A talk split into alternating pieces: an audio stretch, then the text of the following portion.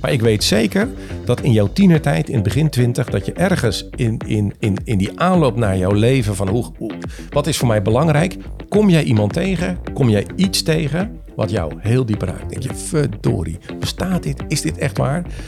Wees daar gevoelig voor.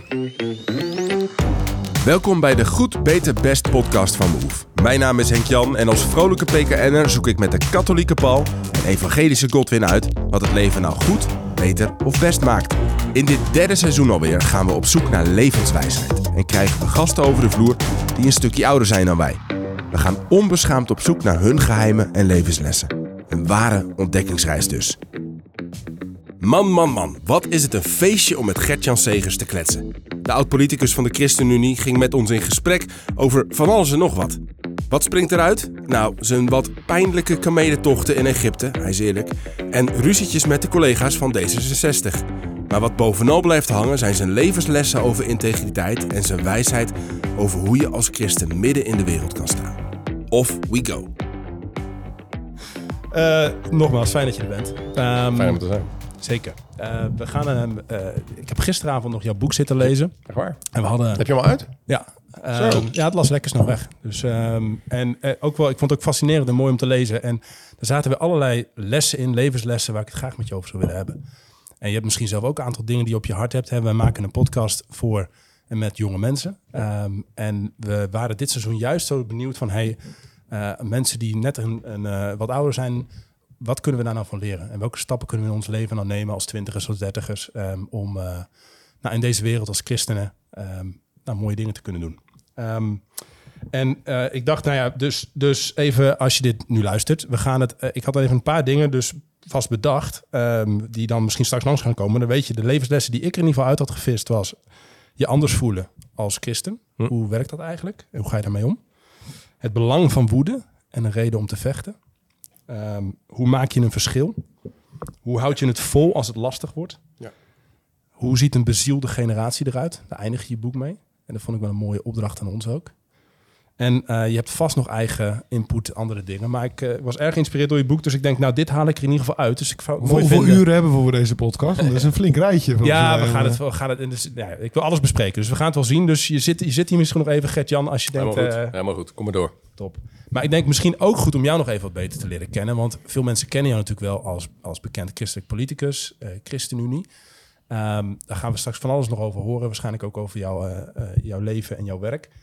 Um, maar ja, we, zouden, we, zijn, we zijn natuurlijk ook een beetje oude hoer altijd. Dus ik dacht even een paar intro-vragen. En, we, en we, uh, onze prachtige redacteuren die doen altijd wat research. Er komen allerlei filmpjes voorbij. Dus ik denk, nou, gewoon even wat intro-vragen aan Godwin en Paul als eerste om jou te leren kennen. En dan moet jij maar het echte antwoord geven. Ja. Oké. Okay. okay. Op welk dier lijkt Gert-Jan volgens zichzelf het meest? Heb je ooit een keer verteld? Het is super gevaarlijk, hè? Ja. Dat, ik, ik, ik, zou denken een adelaar. Adelaar. Ja, dat vind ik een heel veilig. want, want, een adelaar is, heel is, stoer. Een, is een... Nee, maar hij is ook een leider. Die gaat van bovenaf zweeft hij. En wanneer hij zijn muis ziet, dan pas gaat hij. Is dat ook dat, dat en het symbool van, symbool van Johannes, is dat zit ja. er ook in, of niet? Paul? Um, ja, ik ga eentje zeggen, en die bedoel ik helemaal niet beledigend, maar juist met heel duidelijke christelijke symboliek. Ik zou zeggen, de ezel. Oh. Mm. Waarom? Dat is uh, Baudet, hè? Baudet is... Uh... Oh, lieve hemel. Nee, dat was absoluut niet de bedoeling. Nee, nee de ezel... Um, nou, de, de, ezel staat natuurlijk heel sterk voor een, een dienend dier uh, op de achtergrond. Uh, die, waar ze zeggen, die, die hard werkt, waar Jezus ook op gedragen wordt. En ik kan me voorstellen, het is een heel mooie symboliek van nou, uiteindelijk ook bijvoorbeeld in de politiek, maar ook uh, het werk bijvoorbeeld in, in Egypte was het toch? Zeker. He, dat, dat, dat hele onzichtbare dienen. Nou, de politiek is minder onzichtbaar. Uh, maar ik vind het gewoon een heel mooi christelijk symbool. Uh, dus ik kan me voorstellen dat het een inspirerende vergelijking is of iets. Een ezel. Ja, nou, dan kunnen we doen, Gert-Jan. Maar wat, weet je nog wat je zelf ooit nee, zei? Ik weet, Radio ik, 10. Ik, ik, weet zeker dat dat geen ezel is geweest. uh, maar wat het wel is, ik weet het echt niet meer. Je zei een paard. Maar je moest heel snel bedenken. Je zei een paard bij Gerard Ekdom. Ja, dat is... En toen, en toen zei je ooit, dat heeft te maken met een paard, ook een beetje stoer, die gaat voorop, die, die trekt de kar een beetje. Dat was- ja, ja, eigenlijk het ja. tegenovergestelde van een ezel. Dus. Vooral niet dienend, heel zichtbaar zijn. Ja, ja. ja. Nou, we gaan snel door naar de volgende. Ja. Hoeveel tweets heb je verzonden? Oeh. Oh, dat weet ik echt niet. Paul? Ja, volgens mij heb ik het stiekem bijgezet. Maar als je eerlijk zou moeten gokken. Oké, ik ga het even zo doen. Eh, laten we zeggen dat Gert-Jan al dikke tien jaar bezig is met Twitter. 365 dagen, laten we zeggen dat hij er gemiddeld twee per dag zou zoiets. Want als de vraag wordt 700 gesteld, per jaar. Ja. 700 per jaar, dan zou... Wauw, dat is wel heel veel. Ik wil zeggen 7000. Maar oké, ik zeg 7000 dan. Oké. ehm, het heet tegenwoordig X. Hey. Voor de mensen Hey. die eh, niet op social media zitten. Boeiend, Godwin, boeiend. Ja. Geen Twitter meer. Hij is een beetje oud, dus we moeten hem een beetje schoolen. Maar hoeveel tweets? Nou, ehm, als ik zie... Kijk, ik zit zelf niet vaak op, eh, op X. Beter. voormalige Twitter. Ehm, maar ik zie bij Don bijvoorbeeld dat hij kapot veel tweet. Om alles. Echt alles wat er gebeurt, moet een tweet uitkomen. Ik begrijp niet wat die macht op Twitter is, zeg maar. Dat alle politicus en alle bekende mensen... Zeg nou een nummer, gast. Nummer. Nou, kijk, je moet het opbouwen. Je moet het spannend maken. Dus ik denk, hij zegt rond de 7000. Dan ga ik er, maak ik er 14.000 van. Ja, ik denk dat hij er dichterbij zit dan hij. Dat denk ik ook. Volgens onze redacteur zijn het er 47.000. Waar haal je de tijd vandaan? Maar dat, kun je, ja, maar dat is al heel snel. Als je even in een eh, discussie belandt, dan gaat het een beetje heen en weer. En dan, dan, dan verstuur je zo... Maar tweet je Ja, zelf, tweet je een beetje alles chatten zelf? Of Ja, heb je... alles zelf, ja. ja Nee, kan niet. Ja, dat is mijn leven inderdaad. Maar het is al, eh, ik denk dat 13 jaar, ik denk dat, ik, dat ik in 2010 ben, ben eh, begonnen. Dus ik denk dat dat vlak daarvoor, dus ehm 13 jaar, ja. Nee, dat is, ja, ja, dan ga je afvragen, heb je wel verder een leven? Dat is wel- Ja, want, want jullie tweets zijn altijd heel erg goed onderbouwd. Dus het is niet gewoon ik tweet even dit en enter. Jullie hebben altijd artikelen erbij en onderzoek dit en dit. Ja. Ik weet niet waar jullie die tijd inderdaad vandaan halen. Goed, we gaan snel door. Favoriete U2-nummer? Als je, ja, jij kent U2 nou, dus Nee, denk ik heb wel YouTube. Ja, YouTube. Ja, jij bent dan, af. is, dan is de vraag, is het, is het echt gewoon een goede, een goede swing of gaat het meer om de christelijke thematiek? Ik zou denken aan iets van het album The Joshua Tree, bijvoorbeeld. Ja, in, ehm, maar misschien is het toch gewoon zoiets als Where the Streets Have No Name. Ik denk Pride. In the Name of Love. Ja, dat, zou, ja, dat, dat is zitten we goed of niet, Gert-Jan? Waar zit... Ja? Where the Streets Have No Name? Zeker. Waarom? Ik heb dat gezien bij eh, een concert in 2002. Dat was eh Super Bowl, grootste eh, sportevenement in de Verenigde Staten. Halftime hebben ze altijd een enorme show. En U2 die trad erop. En het was een half jaar na 11 september. Dus het was een heel dramatisch moment. Dus die, die, die, die, die samenleving lag nog in puin. Enorme, enorme wond. En toen kwamen die namen, die kwamen... ehm, die gingen zo naar de hemel eigenlijk. Dus al die namen van overleden mensen, die werden op een heel groot eh, hoe heet het? Scherm. Eh, scherm werden die omhoog gezonden eigenlijk. En toen zwelde dat, dat nummer aan. En dat nummer gaat over een verlangen naar een plek waar het goed is. Waar eh, je samen bent. Uiteindelijk een verlangen naar de hemel. En eh, kijk. heel die- Die, op, die opbouw van die hedge op de oh, gitaar. dat en is, de zo, dat is, dat is schitterend. zo mooi, zo mooi. Dus dat was een heel ontroerend moment. Dus dat zal ik nooit vergeten. Dit. Ja, wauw. Klinkt dit bekend, Colton? Zeg me helemaal niets. Maar... Überhaupt niet, YouTube. Over schoolen gesproken, Colin. Ja, dit is een van de grootste bands in de wereld. Ierse band. Groter dan Backstreet Boys? Ja, veel groter. Nou, we, we, we, we aan helemaal aan het eind van de, van de aflevering, dan zet hem gewoon nog even lekker op. Ja. Ehm, politieke aardsvijand.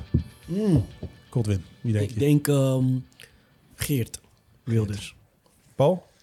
Ja, dat is, dat is natuurlijk wel een heel logische vanzelfsprekende keuze, maar eh, ik kan me voorstellen dat er ook echt wel een haat-liefde relatie met D66 zit.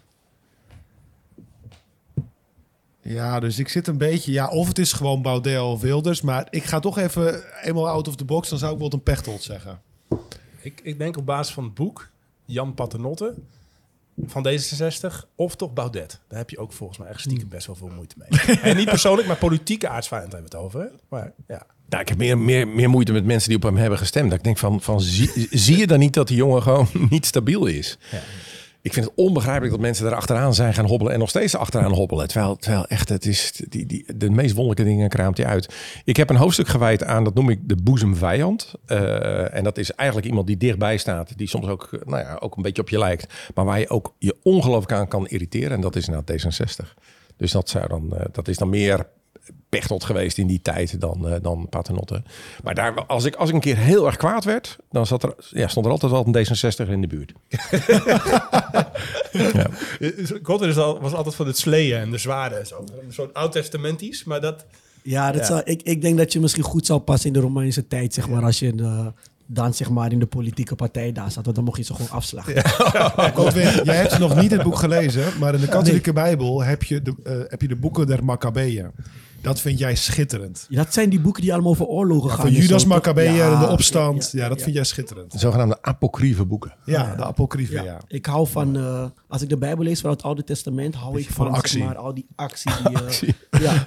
waar, andere, waar, zeg maar, andere gewone mensen een beetje moeite mee hebben. Dat, ja, ik vind het geweldig. Dat, dat vind jij lekker. Ja, dat vind ik totaal geen probleem. Ja. En politieke vrienden, uit een ander, uit een, dan ook uit een ander kamp. Dus zeg maar, dus even christenpolitici, SGP'ers, CU'ers, die dan even af. Maar politieke vrienden uit een ander kamp. Oeh, goede vraag. Liberalen, socialisten. Ik, uh, ik, ga voor, uh, ik ga voor een SP'er dan. Oké. Okay. Um, en welke SP'er zou het zijn? Niet een roemer. Ik denk, ik denk dat het een meer van die intellectuele gasten is. Van Bommel heet, uh, was eentje. Oh, ja. ja. Nou, die staat. Zo, zo iemand. Ik, ik denk onze oude minister-president. Mark Rutte. Ja, Mark Rutte. de reden waarom hij, hij heeft toch wel soms een, een bepaalde charme, waardoor je hem gewoon leuk gaat vinden, aardig gaat vinden. Dat doet hij wel heel goed. Dus ik denk misschien heeft hij u ook uh, goed kunnen inpakken. Ja. ja. Het probleem is dat hij dat met iedereen heeft. En dan denk je, ja, maar hoe bijzonder is, hoe bijzonder is dat dan? In elk stadje een ander schatje. Die exact, ja. Dus dan denk je, ja, zo, zo, zo speciaal is dan ook weer niet. Want hij vindt iedereen fantastisch en geweldig en een hele goede vriend. Um, SP, ik heb wel goed samengewerkt met Lilian Marijnissen op, uh, op onderdelen. Um, maar ik denk dat ik in de strijd tegen antisemitisme met uh, Dylan Jezilkus, nu uh, lijsttrekker bij de VVD, daar heb ik wel heel fijn mee samengewerkt. En dat was, dat was echt wel goed. Ja, dat was echt wel. Uh, had ik wel goede connectie mee. En nu ook trouwens, daarna was dat met Ulis Elian. En, uh, dus de, de, zoon van de zoon van Afshin. En uh, die is nu ook voor de VVD, is die Kamerlid. En die heeft zich uitgelaten over uh, Taggi. Dus dat is echt dat, dat, dat grote... Die, die crimineel? De, de, de, de, de, meest zware crimineel, de meest meedogenloze crimineel van ons land. Heeft zich over uitgelaten en moet nu beveiligd worden. Ja, dat, dat, dat is zo heftig. Ja. Dus dat zijn mensen die ook gewoon bereid zijn om echt een prijs te betalen voor een overtuiging. Ja, daar heb ik wel heel veel uh, respect ja, Die komen ook uit Iran, die werden ook daar die Ja, zeker. Dat heb je zelf op een bepaalde manier ook gedaan, hè? Uh, een prijs betaald, ook, ook even beveiligd geweest in coronatijd. Ja. Ja. ja, veiligheid is nu echt wel een issue bij politici. Ja. ja. ja. Nou, komen we ook nog wel even over de prijs die je moet betalen, de weerstand die tegenkomt, komen we nog even ja. over te spreken.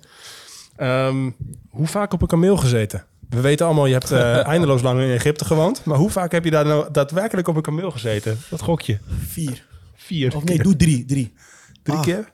Zero. Ik denk nul. Nul? Als die vraag wordt gesteld, het is meer gewoon... Uh, ik, heb, ik, heb hem zelf, ik heb hem zelf bedacht. Maar, oh, je hebt dus hem zelf ik, bedacht? Ik heb geen idee. Maar ik zou zeggen... Ja, er komen Nee, heel veel dat mensen op bezoek. wel. Die willen allemaal naar die, naar die piramides. Die willen allemaal zo'n tochtje.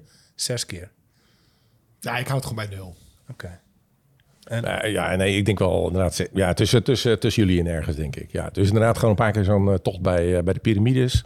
In de Sinaï ook. een keer, ehm, toen ging ik naar beneden bij de, bij de, bij de bergscene. Dus waar, waar, waar Mozes de tien geboden kreeg. Toen ging ik, Oh ja, toen ging ik naar beneden.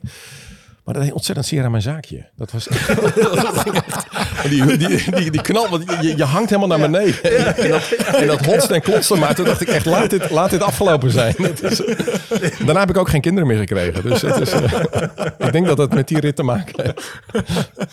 Ja, dit, je, je moet echt... Kijk, je hebt het over beproevingen en weerstand en, eh, en pijn lijden ook voor, je, voor de goede zaak. Maar dit is dan wel... eh, Voor de goede next- zaak. Ja, next Ja. level. Ja, zeker, zeker. Eh, ik had nog een klein fragmentje. Ehm, eigenlijk met, met als achtergrond de vraag: hoe stout was je eigenlijk? Dit is ehm, eh, de Winter. Hoe heet hij ook weer? Voornaam? Nou, eh, een journalist van de Telegraaf, Wouter, de Winter. Ja. En die vond jou eigenlijk best wel stout, zei hij. Maar dus bijvoorbeeld ook eentje van Gert-Jan Segers.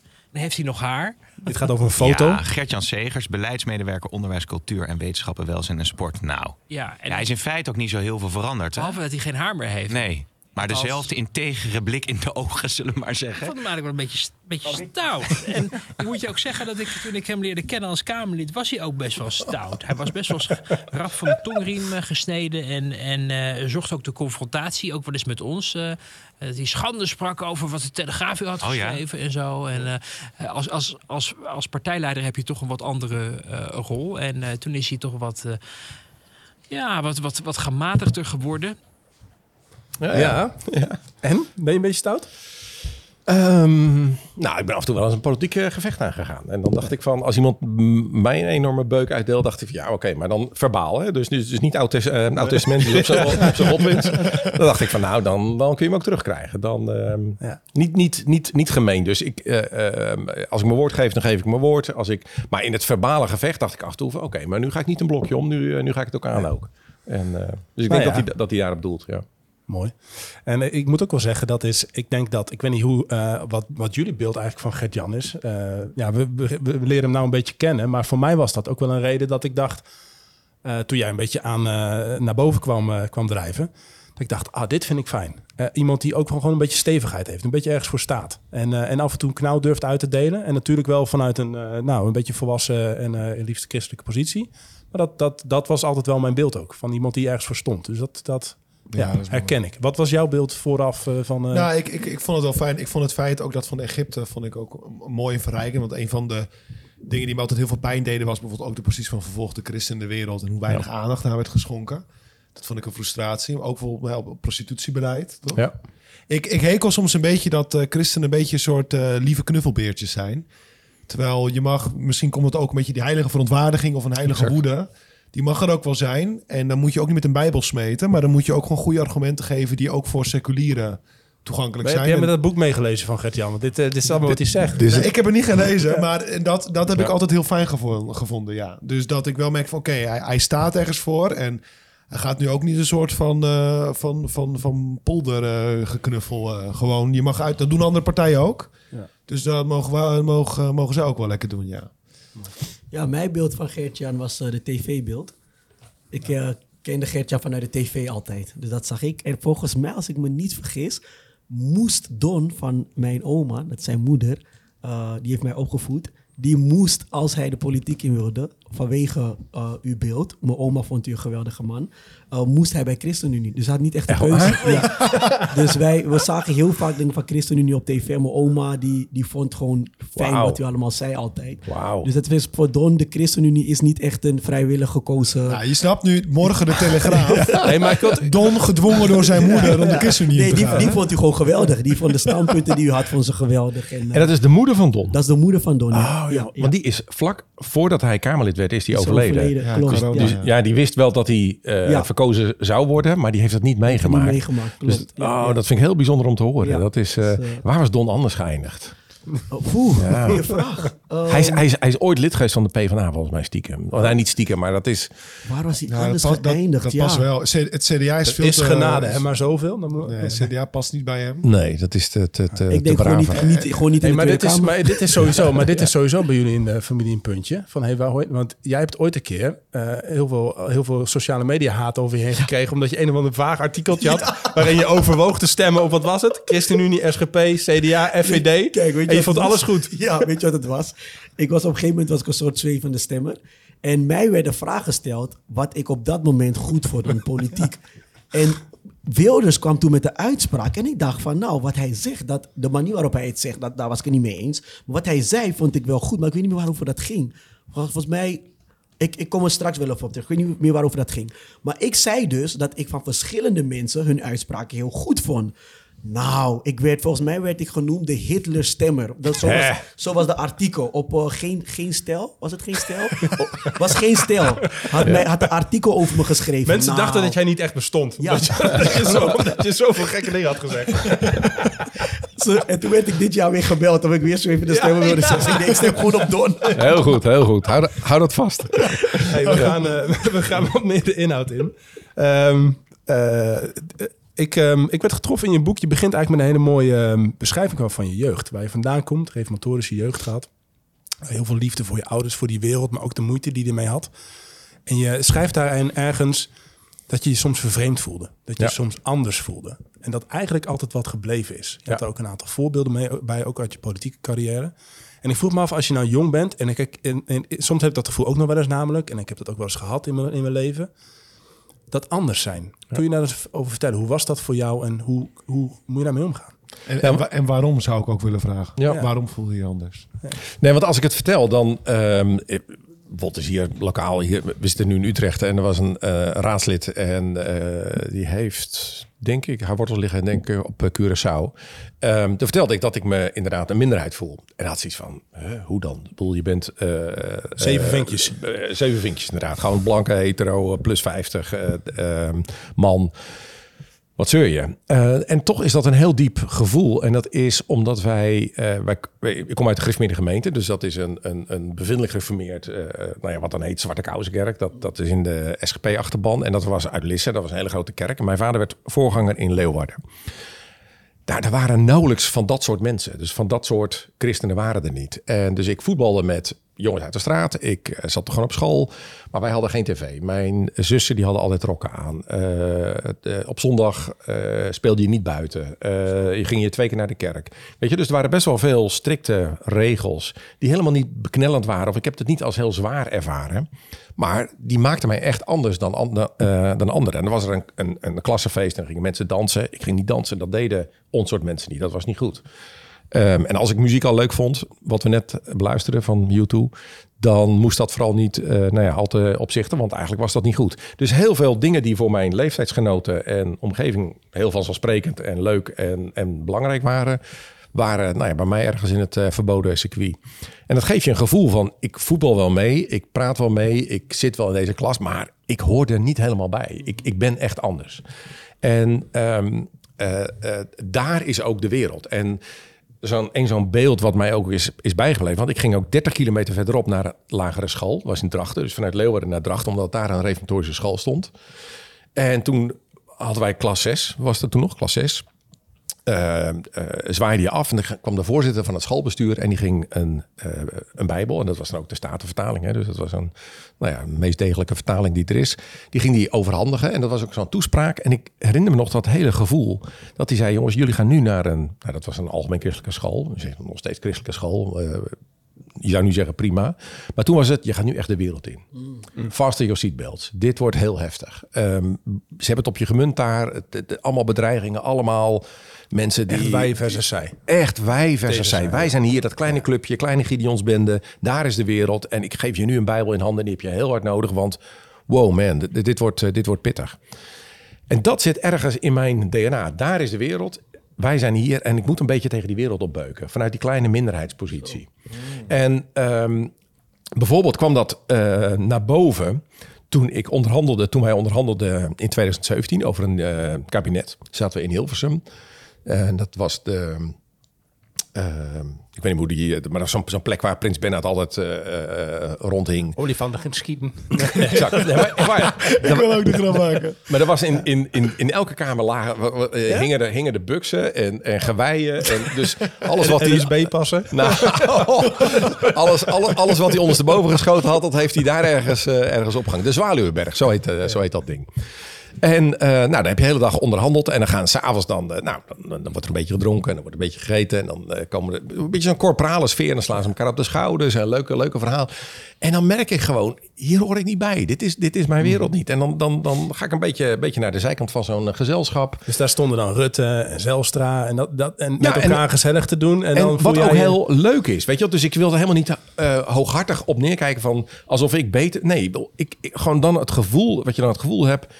Dit is mijn wereld niet helemaal. En dat had ik ook toen we, toen we op een gegeven moment zaten we in het kabinet. Dan leverden we bewindslieden. En heb je op donderdagavond heb je bewindspersonenoverleg.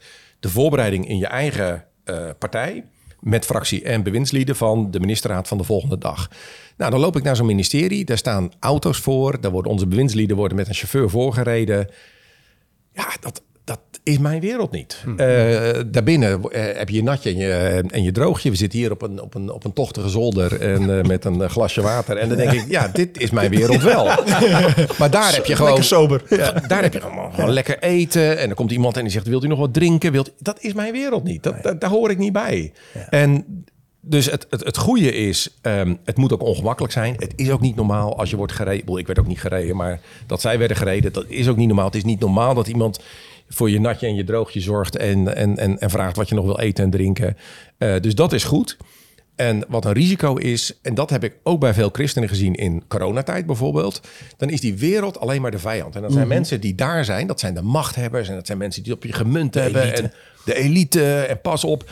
En de, de, de ontwikkelingen die ik heb doorgemaakt is, hou eens even, God heeft mij inderdaad heeft ons gevraagd om anders te zijn, om, om niet met die wereld mee te gaan, maar heeft ons als volgelingen van Jezus wel midden in die wereld geplaatst. Ja.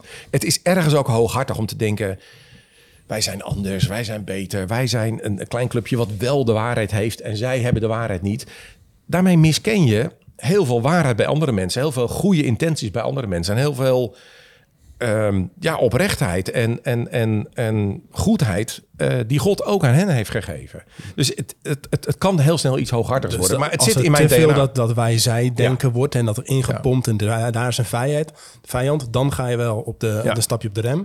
Dat is niet oké. Okay. Nee, maar dat is echt, dat gaat terug naar de Eben Haezer school in Drachten. Ja. Dat gaat terug naar de, de, de, de, de kleine kerk die mijn vader diende in Leeuwarden. In een, in een wereld waarin mensen uh, of anders gelovig waren of helemaal niet gelovig. Maar, en dat gevoel heb ik eigenlijk altijd wel uh, gehad. Hoe durfde je dan bepaalde keuzes te maken? Want als jij dan een keuze moest maken, op een gegeven moment ga je um, um, vanuit de basisschool naar de middelbare school. Je gaat verder studeren, dan moet ja. je keuzes maken, ook in je opleiding. Hoe durf je dan eigenlijk de wijde wereld in te gaan als jij constant met dat gevoel en die gedachten zat? Ja, ergens ook wel op je hoede van, oké, okay, dit wordt nu een uh, avontuur. Dus nou, ik heb die middelbare school heb ik overleefd. Nu ga ik uh, studeren. Dat is ook weer. Maar goed, dan, dan zocht ik ook altijd wel de christelijke gemeenschap op. Dat was ook oh, een, een, een, plek waar ik, waar ik ook veiligheid had. Maar van daaruit ja, ben ik wel steeds meer die wereld ingegaan. En aan het eind van mijn studententijd dacht ik, ja, ik ben wel heel druk geweest met die medechristenen. Maar ik had eigenlijk veel meer nog midden in die wereld moeten staan. Dus ik ben, ben beetje bij beetje ben ik veel meer inderdaad mijn plek gaan innemen midden in die wereld. Ja. Daar is waar God ons roept. Daar moet je zout zijn, daar moet je licht zijn, daar moet je het goede doen. Daar waar het spannend is. En dus, niet in die veilige bubbel.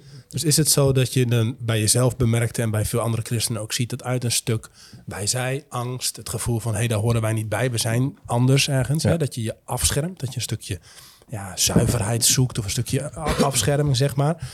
Uh, waardoor je ook niet meer zoutend, zout kunt zijn, lichtend licht, omdat je überhaupt niet meer in die wereld bent. Je bent, je bent helemaal apart, als het ware. Nou, er zijn, er zijn twee risico's. Uh, want mijn, mijn leidmotief, als ik zeg van nou, hoe, hoe wil ik in het leven staan, hoe wil ik leven, dan, dan uh, is het eigenlijk een tweeslag. Dat is met God, midden in de wereld. Mm. En het risico is dat je ofwel heel erg met God wil leven, en dan ga je eigenlijk trek je je terug in een klooster en dan, dan, dan, dan zoek je die christelijke bubbel en dat is heel veilig. Um, en dan is het risico is eigenlijk dat je de wereld aan zijn lot overlaat. Dat je eigenlijk op die wereld neerkijkt. Dat je eigenlijk hoofdschudt en zegt, och, och, och, die wereld is toch zo vreselijk? Ja, die is vreselijk omdat jij niks doet. Hmm. Mede omdat jij niks doet. De andere, het andere risico is, is dat je heel erg in die wereld, midden in die wereld staat. En je moet die wereld redden en je wil die wereld veranderen.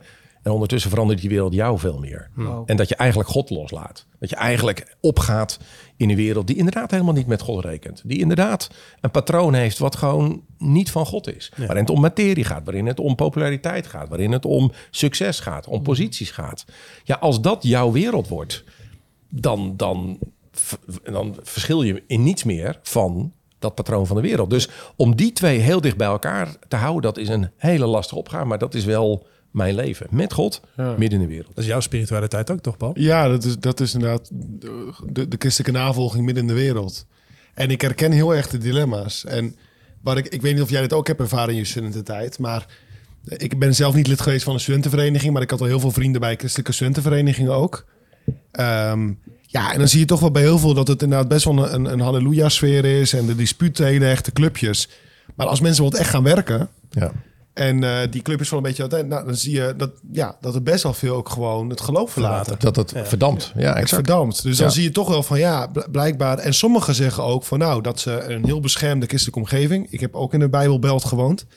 Um, Ja, en dat ook mensen vragen hebben. Dan is het ook een beetje, nou, we luisteren naar de dominee of wat dan ook, weet je wel, een punt. Ja. Maar ja, dan komen ze gewoon heel intelligente mensen tegen die christen zijn. En die komen met gewoon heel redelijke antwoorden. Natuurlijk. En dan brengt Ja. allemaal crisis in het geloof zich mee. Ja. Ja, en of, dan- of, of er komt toch ergens een sfeer van je, dat je er heel graag bij wil horen. Ja. En dat je toch ook de prijs van dat je anders bent, dat je die niet wil betalen. Ja. ja en dat is ook wel tragisch. En dan zie je naar het geloof verdampen. Dan zie je gewoon van oké, maar dan gaat het ook echt om mijn werk. En dan gaat het ook echt om erbij horen. Dan denk je, joh, ehm, het is niet erg als je er ten diepste niet bij hoort. Dus ik, ik nou ja, dat, eh, het was net een vraag. Wie heb je aan vriendschappen of wat heb je aan vriendschappen buiten de christelijke kring, zeg maar, in, eh, in de Kamer? Die heb ik. Dus ik heb op een hele prettige, mooie manier met, ook met niet-christenen samengewerkt. En dat is gewoon, ja, dat zijn ook mensen die geschapen zijn door God. En dat is Gods wereld. Dus het is voluit zijn wereld. En daar mag je, nou ja, met wie maar ook van goede wil is, mee samenwerken. Maar zorg ook dat er, nou, dan komen we weer bij de wijze lessen. Maar zorg dat er ook plekken zijn waar je weer het geloof ontvangt. Waar je weer met God bent. Waar je ook gemeenschap hebt. Exact. Ja, die ja. heb je nodig. In je eentje ga je het gewoon niet redden. Als jij heel stoer die wereld in redt. Ik ga die wereld veranderen. Nou, dan kan ik je één ding vertellen. Die wereld die gaat jou veranderen. Ja, je hebt die groep nodig, mensen om je heen. Ik vroeg me even af, ehm, ehm, hoe hou je het vol? Dat is eigenlijk ook een antwoord, een van de antwoorden daarop. Maar komen we nog wel even over te spreken. Eigenlijk als tweede vraag die ik bij je had, ook bij je boek en, en als, als les die ik uit jouw leven proef, ehm, is, het, is het belang van woede. Ja. En, ehm, en wij waren ooit op een co- compassion event, daar was je ook. En daar werd je bedankt door iemand in tranen over de rol die je speelde in het tegengaan van, van mensenhandel en, en gedwongen prostitutie. En ik merkte die zaal veranderde en jij veranderde. Op, er gebeurde iets. En, dat, in je boek schrijf je daar ook veel over. En dat is geboren ergens vanuit woede. Wil je ons eens meenemen in hoe, wat woede, ook als jonge christen en voor jou betekend heeft om ja, in be- in beweging te komen misschien? Ja. Want het heeft twee elementen. Het begint, begint met woede en ik zeg en het eindigt met een, met een wet. Of het eindigt met een, een goede maatregel. Want uiteindelijk moet je die woede kanaliseren. Maar het begint, begint met woede. En dat is dat je iets, op, iets tegen het lijf loopt. Dat je iemand in de ogen kijkt eh, en onrecht ziet, gebrokenheid ziet, wat jou heel diep raakt. En dat kan van alles zijn. In mijn geval was dat een Ghanese vrouw. En ik was op werkbezoek. Ik was net Kamerlid. En eigenlijk was mijn vraag aan God ook. Ik zit nu op een bijzondere plek. Eh, overigens was dit een thema wat me al eerder raakte. Want ook in Egypte was er een slachtoffer die, eh, van, van eigenlijk moderne slavernij. Die kwam uit Oeganda. En die, eh, die was met valse voorwendsel naar eh, Egypte gelokt. Paspoort afgenomen. Die was gewoon een huisslaaf van een, van een gezin. Die, klopte, die ontsnapte. Die klopte aan bij onze kerk. En eh, nou, daar hebben we een tijd mee opgetrokken. Dus dat, het raakte me altijd. Ik denk van, jemig, dit, dit bestaat dus gewoon in, in, in deze wereld. Dit, dit, dus dat waren nou ja, de, eerste, de eerste keren dat het me raakte. Maar dat het me echt mijn hart brak, dat was in Friesland, Leeuwarden. Ik was op werkbezoek bij Vier Friesland, een hulpverlenersorganisatie.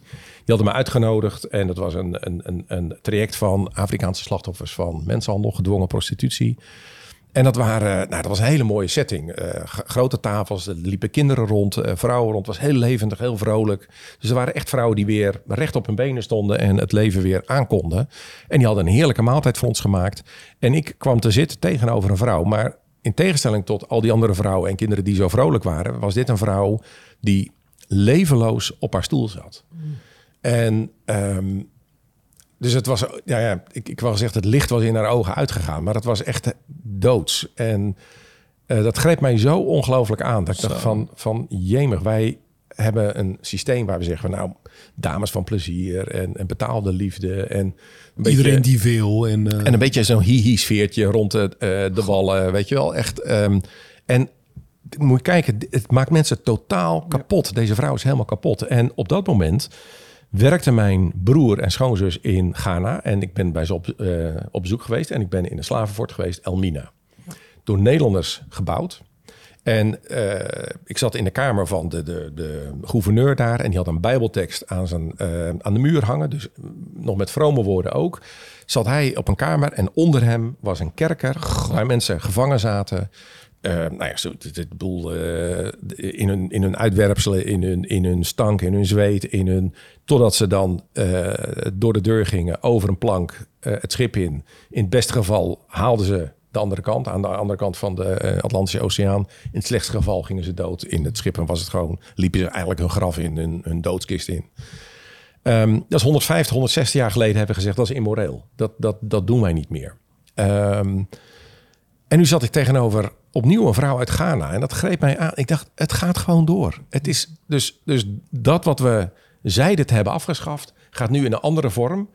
Gaat dat door. En het brak mijn hart. En, en ehm, nou, ik, ik hoef niet iedere keer te huilen. Maar als ik wil, zou ik het opnieuw kunnen. Omdat ik die ogen herinner van die vrouw. Omdat ik weet hoe ze eruit zag. En ik weet hoe ze daar zat. En ik weet hoe, hoe ik me toen voelde. Dat ik toen heel zachtjes tegen God, tegen mezelf, tegen die vrouw zei: Ik ga doen wat ik kan. Ik zit nu op zo'n blauwe stoel. En dat is een stoel van macht, van invloed. En ik wil die invloed wil ik aanwenden ehm, om het goede te doen. Dus dat was woede. Dat was woede over dat wat wij doen, ons systeem. Wat we nog verhullen met, met, met, met, met gruwelijke marketingpraatjes. We sturen, dus de VVV heeft ook gewoon tour, eh, zeg je dat, van die, van, die, van, die, eh, van die gidsen die over de wallen rondlopen Ja. met toeristen. En ha, ha, ha, kijk hier is, ha, ha, kijk daar is een vrouw in een kan zo badpak. boos om worden. Dat Ik- is ik zo vernederend. Zo totaal Het is een dierentuin geworden. Het is een Ik- dierentuin. het En is het is niet, vernederend voor vrouwen. Het is vernederend voor mensen. En ook al staan ze er met een glimlach. het, het, ja, ze staan verhalen er, ze staan er met, met, met, met huilende harten. En dat doen wij. En ehm, toen wist ik, nou, ik ben hier ongelooflijk kwaad over. En iedereen kan zoiets tegen, tegen het lijf lopen. Hè? Dus dat, dat kan van alles zijn. En dat, in mijn geval was dit, dit onderwerp. Nog heel even daarover, want ik was even, want, want je, je kunt vast ook iets meer zeggen over hoe, wat je daarmee bent gaan doen. Maar je, er moet ook iets, je moet ergens voor openstaan. Je moet wel durven kijken, wat is er voor nodig om die woede ook te vinden in je leven. Hè? Want dat kan heilige woede zijn, dat is ook Ja. zoiets proef ik. Maar als je nu jong bent, en voor mezelf ook, hè, er zijn heel veel dingen.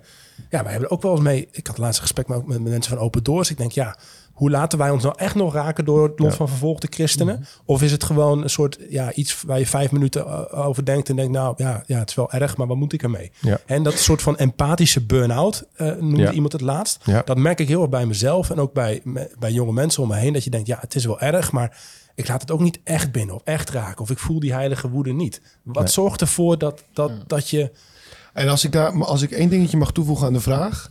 En aan het einde, ik heb wel een ideetje dat ik ook graag zou willen delen. Maar ik wil eerst Gert-Jan natuurlijk daarover horen. Want er ook wel is, en hoe kan je die woede, want daar had je het al over, goed kanaliseren. Dat het niet Ja. een wanordelijke woorde wordt. Of dat het doel de minder gaat heiligen. Ja. Of dat soort dingen. Nee, daar komen we zo bij. Maar ik ben even Ja. benieuwd naar die... Ja. Je, je kunt niet alle ellende van de wereld toelaten in je hart. Je kunt niet eh, eh, de hele wereld en de gebrokenheid van de hele wereld op jouw schouders nemen. Dat heeft één iemand gedaan en die naam is Jezus. Ik bedoel, eh, die heeft dat gedaan. En ehm, alleen wat waarvan ik, ik, ik geloof dat God af en toe ehm, zegt: ja, maar ik leg één klein deel op jouw bord. En we zijn met elkaar het lichaam van Christus. Dus we zijn allemaal armen, benen, oren. De, iedereen heeft ergens een functie. En ook de gebrokenheid van deze wereld en dat wat Jezus eraan wil doen, legt hij in onze handen. En dat is jouw deel. Dus ehm, eh, ook dan zijn er weer twee risico's. in, Namelijk, hoe was het? Empathische burn-out. Burn-out, exact. Dat, je, dat, dat, dat je mur bent. Dat je, er komt niks meer binnen. Maar ik weet zeker dat in jouw tienertijd, in het begin twintig... dat je ergens in, in, in, in die aanloop naar jouw leven... van hoe, hoe, wat is voor mij belangrijk... kom jij iemand tegen, kom jij iets tegen... wat jou heel diep raakt. Denk je, verdorie, bestaat dit? Is dit echt waar? Wees daar gevoelig voor. Dus leef daar niet overheen. Als je daar iedere keer overheen leeft... Ja, dan, word je, dan, dan raak je in een burn-out. In een empathische burn-out. Ehm, maar wees daar gevoelig voor. Maar wees vervolgens ook ehm, in die zin daarin ontspannen dat, dat ehm, je ook niet het idee moet hebben van, maar nu moet ik alles oplossen. Wees dan vervolgens dus, dus, dus ergens koester die woede ook. En dat heb ik ook wel eens een keer rechtstreeks aan God gevraagd. Want zeker als je in die politieke cadans komt en, en zeker als je, nou, ik heb twee keer onderhandeld over een, over een coalitie, dan komt de hele wereld langs, dan komt alles langs. Ik kan niet bij alles woede voeden, voelen. Ik kan niet bij alles. Maar dan kom je in een soort professionaliteit waarin het ook ehm, van je afgeleid, waar het ook functioneel wordt. Dus ik heb ook God wel eens gevraagd: geef me die woede weer terug. Geef me iets wat een ontmoeting waarin ik weer opnieuw eigenlijk wel zou kunnen janken gewoon. En die zijn er ook. Dus het, het ehm, vraagt om een open hart, open ogen. Er- jij komt iemand tegen. Dus iedereen die luistert, komt vroeg of laat iemand tegen die je in de ogen kijkt en denk je, dit kan niet waar Hier zijn. moet ik mee. En wees daar gevoelig voor. Maar ik hoor ook iets van een pragmatiek. Een gezonde pragmatiek. Dat is choose your battles. Exact. Choose your battles. En da- als je dan die ene zegt, maar deze Ghanese vrouw... ehm, God heeft via die Ghanese vrouw iets op mijn bord gelegd. Ja. Als ik nu alleen maar woede voel... en als dat niet gekanaliseerd wordt... ja, dan kan ik één donderpreek, twee donderpreken, drie. Ik, kan een, ik heb een woedend artikel geschreven. Ik heb, ben, ben debat aangegaan bij toen nog Pauw en eh, Witteman en, en, en andere plekken. Nou, eh, ik ben bereid om die knokpartij aan te gaan. Ehm, maar als dat het enige is, dan help ik die vrouw totaal niet. Dus ik moet die woede koesteren als een soort brandstof waarmee ik eh, bezig blijf. Maar ik moet het wel kanaliseren op een manier dat het uiteindelijk verschil maakt in haar leven. Of in ieder geval in het leven van vrouwen en mannen die in eenzelfde situatie zitten. En hoe deed je dat? En toen ben ik eh, gaan nadenken over een eh initiatiefwetsvoorstel. wat zou kunnen helpen. En dat is een wetsvoorstel geweest waarin we zeiden van nou, iedereen is verantwoordelijk daarvoor. Maar de klant, dus die naar zo iemand toe gaat, die weet, die kan weten dat hier een slachtoffer is van moderne slavernij. En die denkt, kan mij het schelen, ik zeg niks, die maken we strafbaar. Dus dat was eigenlijk een bescheiden stap. Maar dat was wel een belangrijke stap om die klant ook echt aan te moedigen. Meld, eh, zeg wat je ziet. Eh, en als je het niet doet, dan weten we je te vinden ook. En dan, eh, dan ga je gewoon de bak in. En eh, toen ben ik gaan shoppen bij PvdA SP. Dat heeft een jaar geduurd dat ik dat in eigen, eigen kracht deed. Dat ik echt heel erg bezig was om mijn charmes in de strijd te gooien. En zeg, joh, ik, eh, ik heb hier een wetsvoorstel en doe nou mee. En, en, en na een jaar kwam het finale antwoord van de PvdA. En die zeiden, we doen het niet. Eh, het risico is te groot, want jullie zijn een christelijke partij. En dan is toch een beetje dat imago van moralisme en, en christelijk moralisme. Ja, vinden we, vinden we gewoon, Gewoon, niet we zo. zijn het misschien inhoudelijk wel eens, Exact. maar we willen niet met jullie. Alsof Schetsen, zij, alsof zij niet moralistisch zijn. Come on. Ja, precies. Come on. Dat was mij. Dus ik, nou, ik was echt gewoon, ik was echt zo kwaad. En, en ook heel erg teleurgesteld. En ook wel een beetje teleurgesteld in God. Ik heb die ontmoeting gehad. Ik, had, ik heb het opgevat als iets wat ik van u krijg, waar ik echt mee aan de slag moet. En ehm, wat dan? En toen was er een medewerker en die zei: eh, Je moet nu naar Sams en je moet dus allemaal nog, nog dingen. Ik zeg: Joh, ik heb een jaar lang ben ik in die modus bezig geweest. Ik denk dat ik het weer terug moet geven aan God. God, als het echt van u is, ja, dan moet ik het maar merken. Dan, dan, dan, dan. Ik, ik ben beschikbaar. Ik wil echt iets doen. Maar dan moet het wel lukken. En ik krijg deze deuren nu niet open. En toen brak er een week aan dat op dinsdag kwam opeens een SP-woordvoerder naar mij toe. En die was naar een christelijke hulporganisatie in Amsterdam geweest, het Gelaken Koord. Die was op werkbezoek geweest en zegt: Joh, dat greep mij heel erg aan. Ik, ik, ik weet dat jij bezig bent met een initiatief. Mag ik, mag ik meedoen? maar, maar natuurlijk. Want waarom, waarom wilde ik graag eh seculiere partij? Als ik met CDA en SGP een Ja. bondje had gesloten en gezegd: Oké, hier zijn de christelijke moralisten. Die zijn tegen seks buiten het huwelijk. Eh, ja, weet je, daar heb ik geen zin in. Dus ik, ik moest het gooien op mensenhandel, strijd tegen mensenhandel, strijd tegen moderne slavernij. En daar had ik gewoon seculiere medestanders nodig. Ehm, dus toen kwam SP en die zei, joh, mogen we meedoen? Op woensdag sprak ik Lodewijk Asscher, toen nog vicepremier. En we hadden het over beveiliging van de Joodse gemeenschap. Nu weer een actueel thema. En ehm, toen zei hij eh, aan het eind, oh by the way, eh, want hij was ook heel erg begaan met het onderwerp. Dus hij was ook heel erg geraakt in Amsterdam. Ja, hij kent Amsterdam Hij kent Amsterdam en hij wist, joh, elke tegel die daar op ligt, daar, daar, daar, zie je de ongerechtigheid onder krioelen. En hij was ook echt aan de slag gegaan. En ehm, dus dat was echt ook een, een, een, een medestander. Toen zei hij aan het eind van, joh, eh, hoe zit het met onze gezamenlijke hobby, prostitutie? Toen zei ik, nou ja, ik heb het initiatiefwetsvoorstel neergelegd bij jouw fractie, maar die willen niet. Hij zei, waarom niet? Ja, ik zei, omdat wij ChristenUnie zijn. Hij zei, nou, dat vind ik een belachelijke reden. Dus hij zei, ook, come on. En eh, hij zegt, eh, geef u nog een kans. Ik zei, nou, ik heb een jaar gewacht, dus waarom zou ik nog niet nog eh, iets meer wachten? En ik zeg, nou, ik merk het wel. Maar SP is langsgekomen, dus ik ga in ieder geval met de SP verder. Dat was op woensdag. En toen op donderdag had de woordvoerder een gesprek met Samson, toen nog fractievoorzitter van de PvdA. En die zegt, ja, voordat we even over andere onderwerpen beginnen, ehm, nog even over dat initiatiefwetsvoorstel van, eh, van de ChristenUnie. Ik denk dat we mee moeten doen. Lodewijk heeft gebeld en eh, ja, het is eigenlijk een belachelijke reden dat we niet meedoen. Dus weet je, we moeten het wel doen. Dus ik was een jaar lang bezig geweest met allemaal argumenten en allemaal charmes en allemaal eh, nou ja, leuke, goede, goede aanmoedigingen aan andere partijen om langs zij te komen. Nul resultaat. En toen ik het weer eigenlijk teruglegde en zei, ja, Heere God, laat het dan maar zien. Toen ging opeens, kwamen er twee fracties langs. En eh, als rijpe appelen vielen ze uit de boom. En we zijn toen aan de slag gegaan. En uiteindelijk een, een beetje krappe meerderheid in de Tweede Kamer. En toen naar de Eerste Kamer. Ehm, en dat was ook wel bijzonder. Toen kwamen er een paar fracties van tevoren. Die zeggen, joh, het is bij ons een dubbeltje op zijn kant. En eh, het zal echt van het debat afhangen wat wij uiteindelijk eh, gaan stemmen. Dus ik wist niet wat het zou, zou worden. En toen liep ik richting die Eerste Kamer. En toen was er een, een, een jongen Johan de Hartog. Die had een gebedsgroep in, in Den Haag. En die, dat waren mensen die stonden soms op het plein of op het binnenhof met een groepje te bidden. Als je ze zou zien, dan zou je zeggen, het zijn een beetje aparte mensen. Weet je wel, wat doen die daar? Een beetje, beetje, beetje, beetje apart, een beetje gek. En die beetje gekke club, die zeiden, wij zijn beschikbaar om voor jou te bidden. En ik liep richting Eerste Kamer. Hij kwam op me af en zegt, joh, kunnen we je nog helpen? Ik zeg, nou, ik ga nu naar de Eerste Kamer. Bid maar mee. Ja. En dat is een debat geworden, wat gewoon ehm, eh, eigenlijk zo ehm, vanuit de verdediging van dat wetsvoorstel zo goed en krachtig ging. Dat uiteindelijk, ik denk op twee partijen na, we die hele Eerste Kamer meekrijgen, inclusief liberale partijen. En dan weet je gewoon van, joh, ehm, dat is begonnen met woede, dat is begonnen met een beschikbaarheid, maar ook met een eigen onvermogen. Ja, het lukt mij ook soms niet. Maar ook met een besef, nu moet God het doen. Nu moeten de deuren open gaan. Dus het is een, ergens een, een combinatie van zelf in beweging komen, eh, doen wat je kunt, maar ook weten, ja, God moet het kleine beetje wat je doet, moet hij ook zegenen. Ja, ja mooi. Ik, ik, als ik, als ik ehm, luister naar wat je zegt, dan kan ik het. Want eerst dacht ik van, nou, jij, jij zit op een positie waar jij wetvoorstellen kan doen. Dat zou ik als normale burger niet zomaar kunnen doen. Dus ik dacht, hoe kan ik het terugvertalen naar. Maar wat kan ik ervan leren als ik bijvoorbeeld op school of in een studentenvereniging of op mijn werk, ehm, dat ik die heilige woede ervaar, hoe kan ik daar dan wat Ja. verandering in brengen? Maar eigenlijk vind ik het heel mooi dat je zegt van op het moment dat je dat ervaart, mag je het ook terug aan God geven als jij zelf niet tot de oplossing kan komen. En misschien heb jij in je hoofd een plan van ja, deze stappen moet ik maken om, om verandering te brengen. Maar eigenlijk dat mooie is op het moment dat je vastloopt, dat je dan niet zegt ik geef op. Nee. Dat je laat het maar. Ik, eh, ik, ik, ik verbrand alle stukken die ik had over dit en ik hoef er niet meer aan te denken. En ik heb soms rechtvaardig gewoon onze actie door te zeggen ik heb mijn best gedaan. Ja. Maar eigenlijk zeg je geef het terug aan God en dan gaan de deuren open. En hard werken. Ja. Ik bedoel, dat moeten we ook niet vergeten. Als je een verschil Ja, wil maken, moet je ja. gewoon hard werken en geduldig werken, toch? Gedu- precies. En dan moet je die woede kanaliseren en zeggen: joh, dit, dit, dit, stukje pak op. En, en dat is ook die brandstof waarmee je het volhoudt.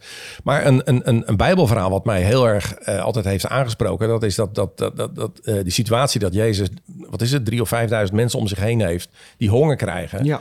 En dan zeggen ze, eh, ehm, en dan zijn er twee vragen daar. En de eerste vraag is. eh, ehm, de, eh, de vraag van de discipelen, wat is er nodig? Dus die gaan berekenen, hoeveel mensen hebben we? Hoeveel brood hebben, we- hebben we dan nodig? Eh, hoeveel geld is daarvoor nodig? Ja, poeh. ehm, nou, dat is een kansloos plan. Ja.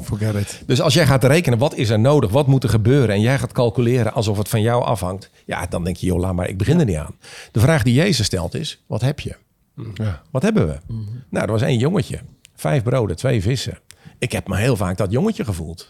En dat kun jij zijn. En dat kun jij zijn. Dat, dat, dat kan de luisteraar zijn.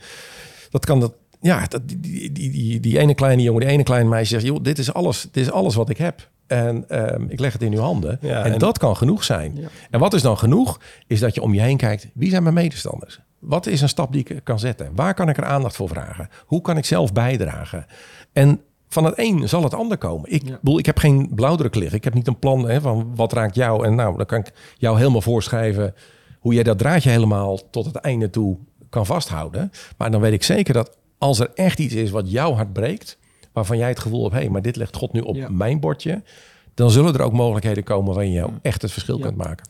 Nou ja, en eh, nou, een gedachte daarbij is...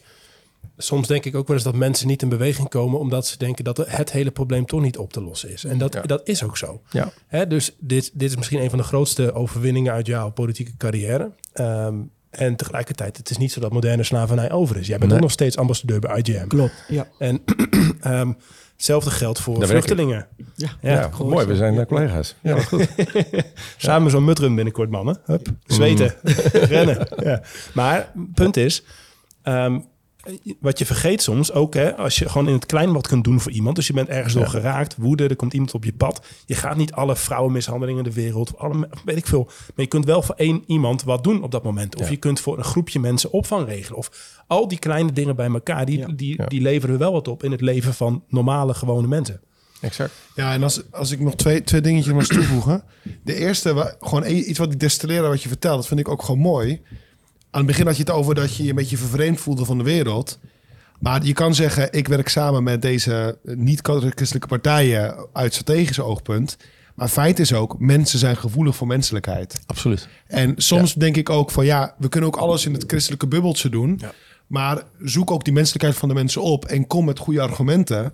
Want er zijn heel veel goede mensen daarbuiten die niet christen zijn, maar die gewoon echt ook heel veel goede dingen willen doen.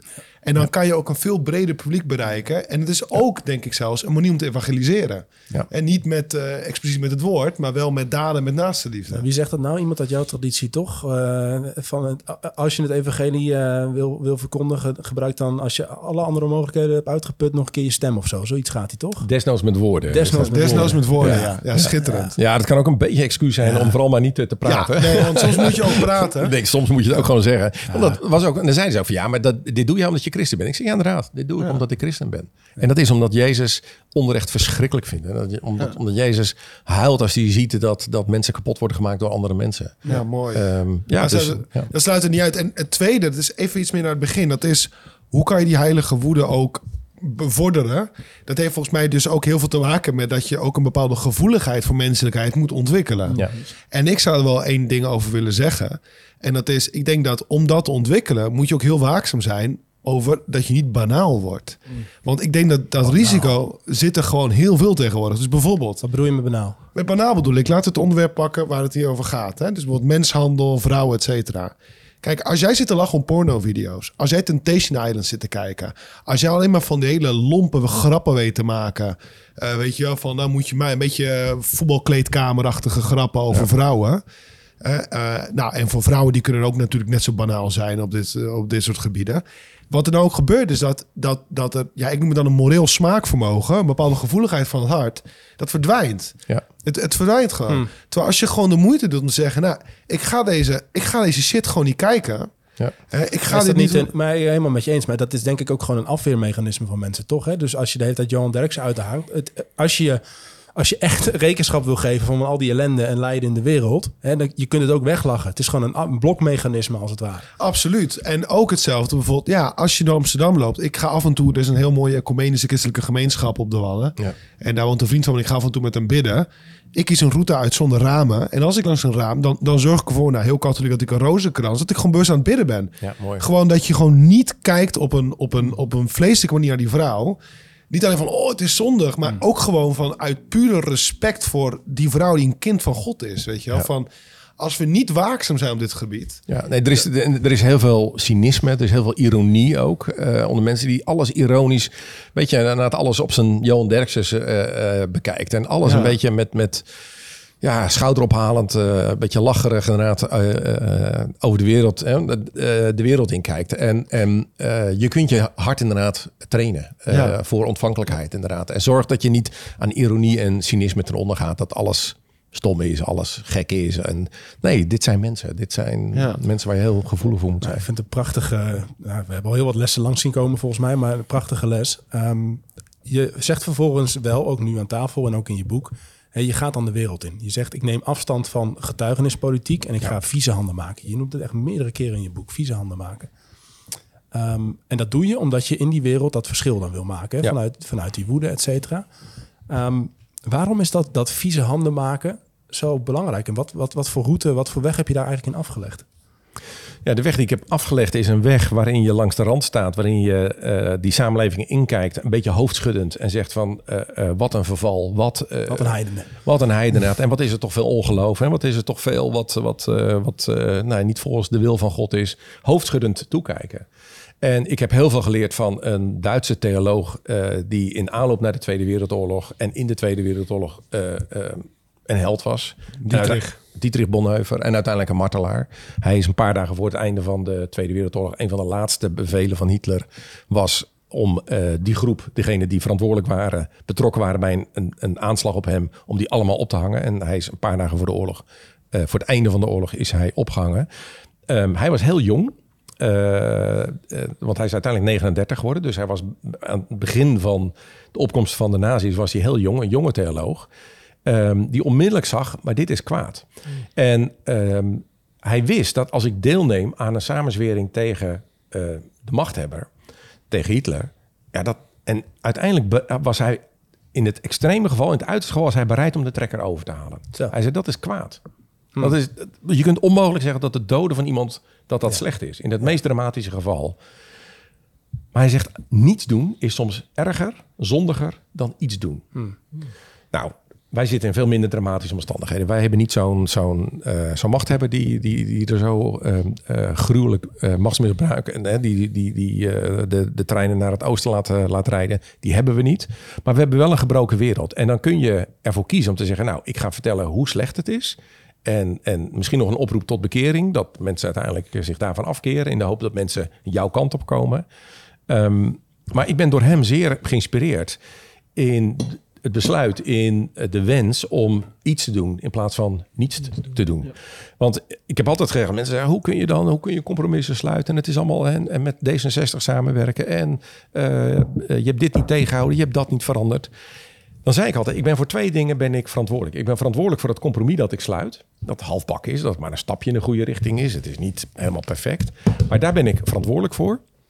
Maar het tweede is, ik ben ook verantwoordelijk voor dat wat er gebeurt als ik niks doe. Ja. En mij terugtrek.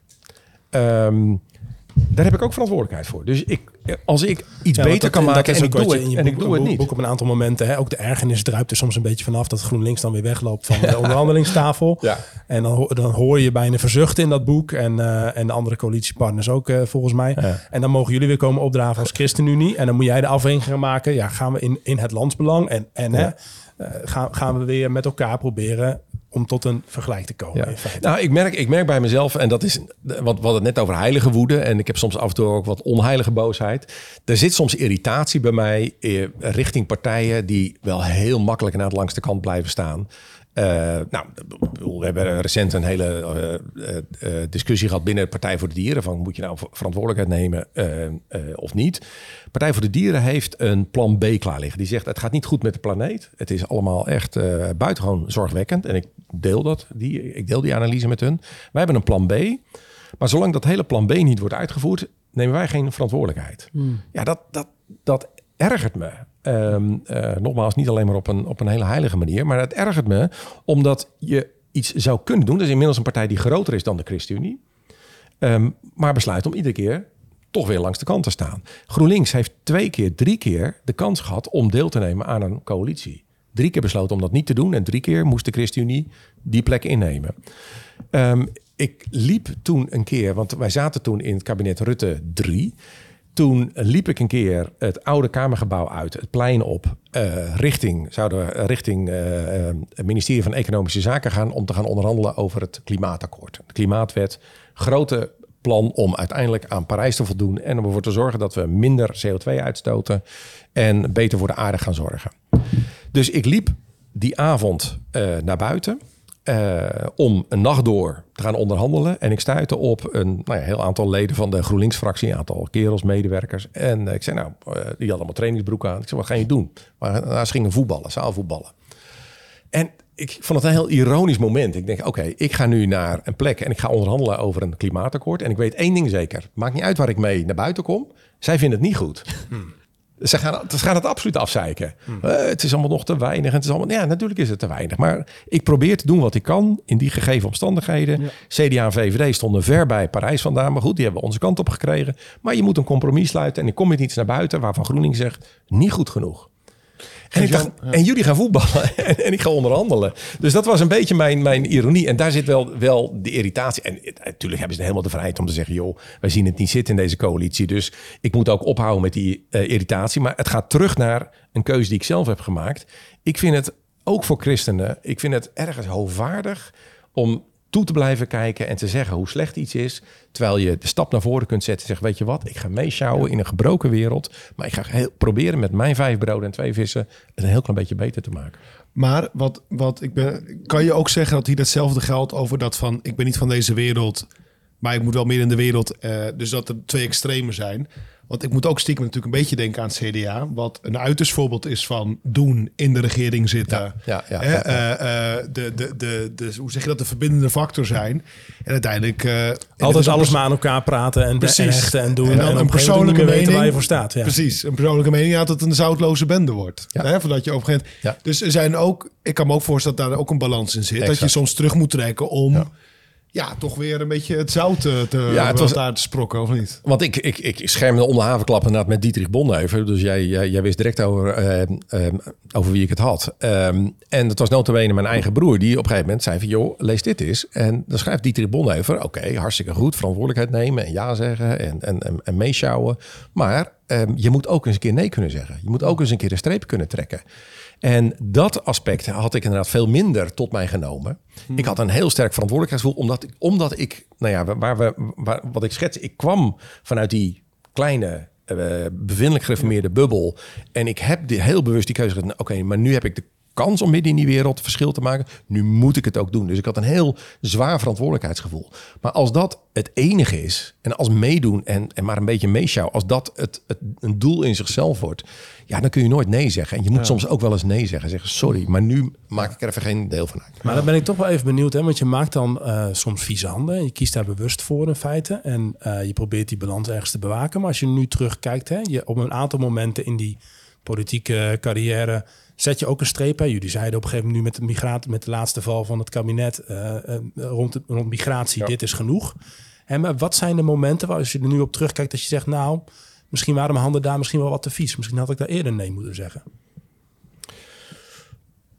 Ehm, ja, niet zozeer bij migratie, omdat ik dat echt een heel ingewikkeld on- eh, onderwerp vind. Omdat dat altijd gebroken is. En, en, ehm, dus daar heb ik dat minder.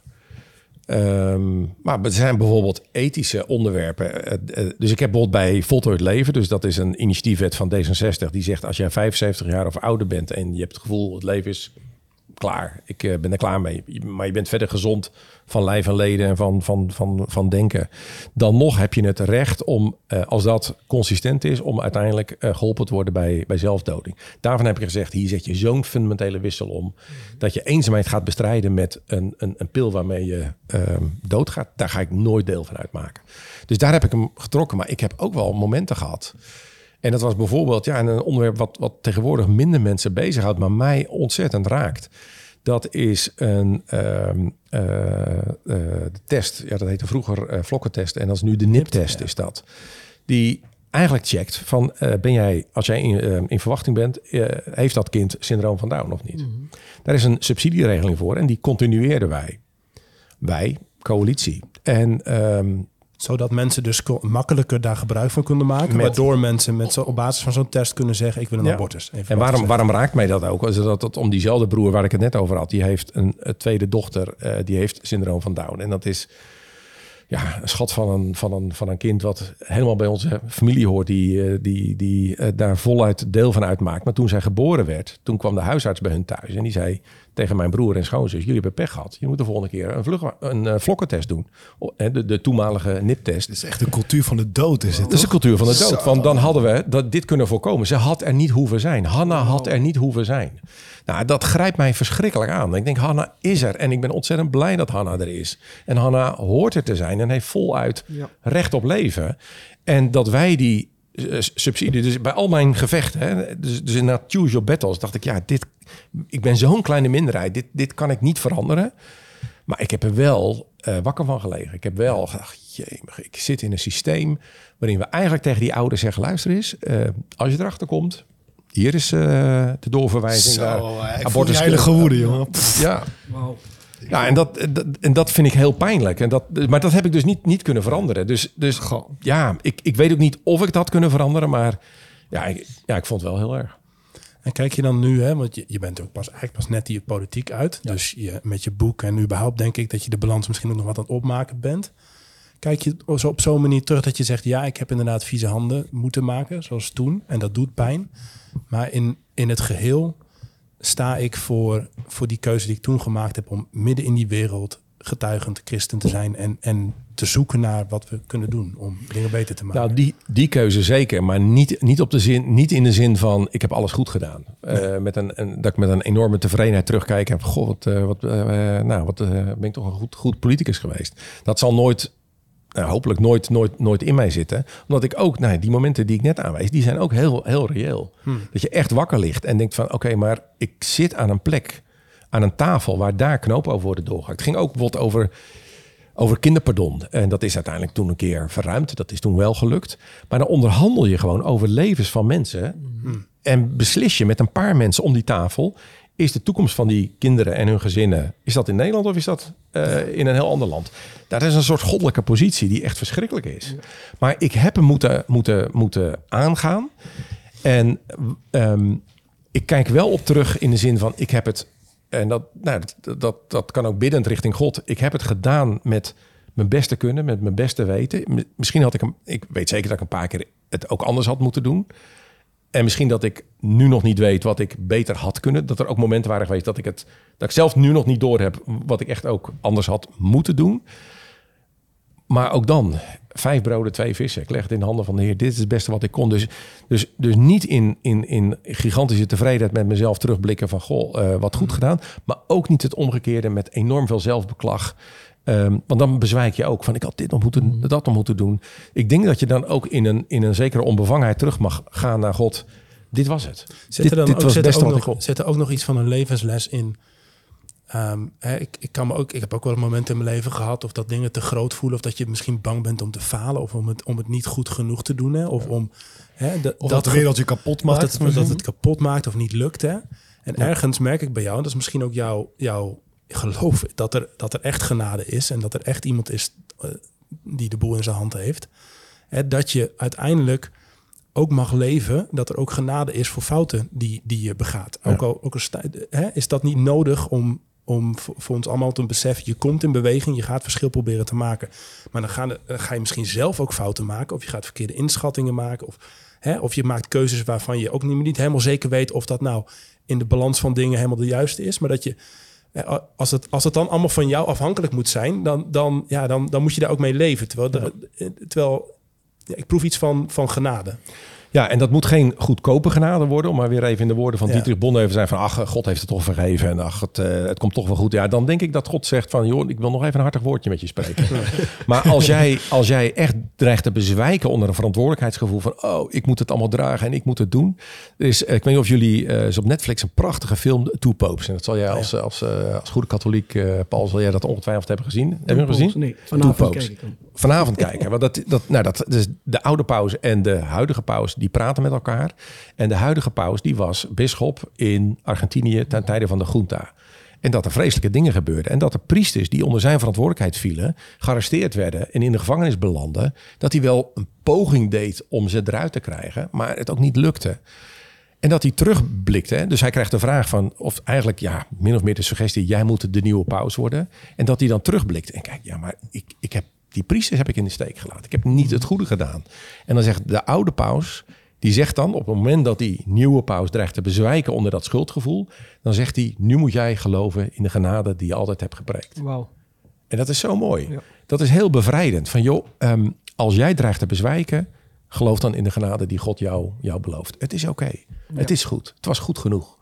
En wat dan, ehm, eh, nou ja, ik, ik, ik mag een beetje lessen strooien, hè, want dat Ja, is wel een beetje, dat is Ja, het hele Volgens mij is dat de bedoeling. ja, precies. Eh, eh, wat heel belangrijk is, is om ook ergens een gevoel te hebben van wat- is je roeping. Een gevoel te hebben dat je doet wat je moet doen. Hè? Dus dat heeft ook met die woede te maken. Dat heeft met, te maken met dat wat op jouw bordje komt. Of, of iets waarvan je voelt, hé, maar hier heb ik de, de, de, de, de, de drive voor. Hier heb ik de, de aanleg voor. Hier heb ik de gave voor. Hier heb ik de, de, de omstandigheden die, die werken met. Dit is wat ik moet doen. Ehm, er is een belangrijk verschil tussen ambitie en tussen roeping. Ambitie is, ik wil een stoel, op een bepaalde stoel zitten. Ik wil iets worden. Of ik wil rijk worden. Of ik wil bekend worden. Of ik wil machtig worden. Ja, als dat jouw drive is, ambitie, dan vroeg of laat don je een keer van je stoel af. En, en, en komt het niet goed. Als je doet wat je moet doen, als je bent op de plek waarvan je gelooft dat je daar moet zijn, en dat is toch roeping, dan kun je het ook volhouden. Dan heb je ook, nog een keer in katholieke termen, stabilitas. Wees nou, blijf ook wat langer op de plek waar je bent. We zitten in een tijd waarin mensen heel hypegevoelig zijn. Dan komt dit weer langs, dan komt dat weer langs. We zien het ook in het stemgedrag van mensen. Dan is die weer hot, dan is die weer. En we hollen met z'n allen achter verlossers aan, achter eh, sterren aan. Ja, dat, die hypegevoeligheid, daar word je doodmoe van. En een instant solution. Ik wil Totaal. nu meteen een impact. En Precies. Opdat ik dit doe. En daarmee ga je het verschil niet maken. Als jij een gevoel hebt van, hey, nu raakt mij iets. ik vat dit op als een roeping. Ik hou vol en ik hou dit eens wat, wat, wat langer vast. Ik heb in deze kerk, in deze buurtvereniging, bij deze club, eh, bij deze NGO, heb ik nu een rol, een taak. Hou dat ook wat langer vol dan dat je geneigd bent om te zeggen, ach, ik vind het even moeilijk. Ik gooi het bijltje er maar neer. Nee, dat, dat, dat is niet roeping. Roeping is ook volhouden, ook als het lastig is. En hoe belangrijk is het in zo'n positie? Want ehm, ik, ik zit me dan af te vragen en ik denk ook, nou, je hebt, je hebt best wel een hele uh, uh, kruis wat je draagt en bepaalde keuze die je moet maken en best wel een lading wat over je heen komt. Hoe belangrijk is het om je, um, dat als je thuis komt, dat je kan terugtrekken en dat je misschien, uh, ik, ik ken je vrouw natuurlijk niet, maar hoe belangrijk is het om die basis wel te hebben, dat jij ergens een plek hebt waar je eigenlijk gewoon weer Gert-Jan bent. Ja. Ja, en uh, dat is super belangrijk. En, en voor mij uh, was het gezin ontzettend belangrijk. Uh, ik heb een vrouw die niet onder de indruk is van posities. die toen ik zei van joh, ik stop met politiek, niet zei van oh, maar nu ben je Ga jij nog naar de supermarkt of niet? Dat was, een... dat was gewoon van yes, het is nu, het is nu klaar. Beetje normaal.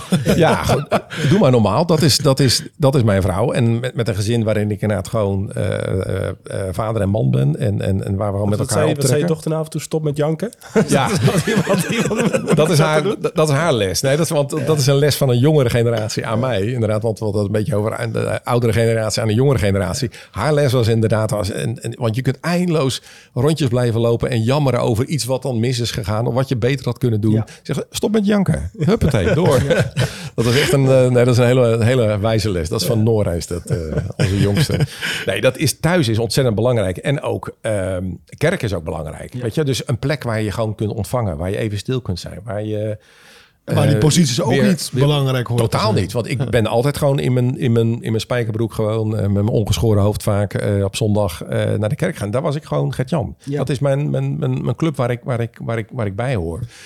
onderbiedig gezegd. Maar dat zijn hele belangrijke plekken waar je even jezelf kunt zijn. Waar je ontvangt, waar je weer uh, opgeladen wordt. En dat is heel belangrijk om, als je in, in, in, in een dienstbaarheid aan die samenleving het gevoel hebt van ik moet iets doen in die samenleving, dat er een balans is met momenten van stilte, met momenten van rust, met momenten van nou ja, ontspanning. Uh, dus dat, dat, dat, je, dat je niet bezwijkt eronder. Hè. Dat is natuurlijk ook van, ja, het risico van burn-out is gewoon levensgroot. Ook bij, juist bij een jongere generatie. Ja. Als jij van hot naar herholt en er heel veel onrust in jouw leven zit, dan kun je burn-out raken. Maar als jij het vizier hebt op een roeping, op een taak, op iets wat jij moet doen, in een goede balans met rustmomenten, met ontspanning, met een aantal gezin, met een kerk, met vrienden, uh, dan kun je het ook langer volhouden.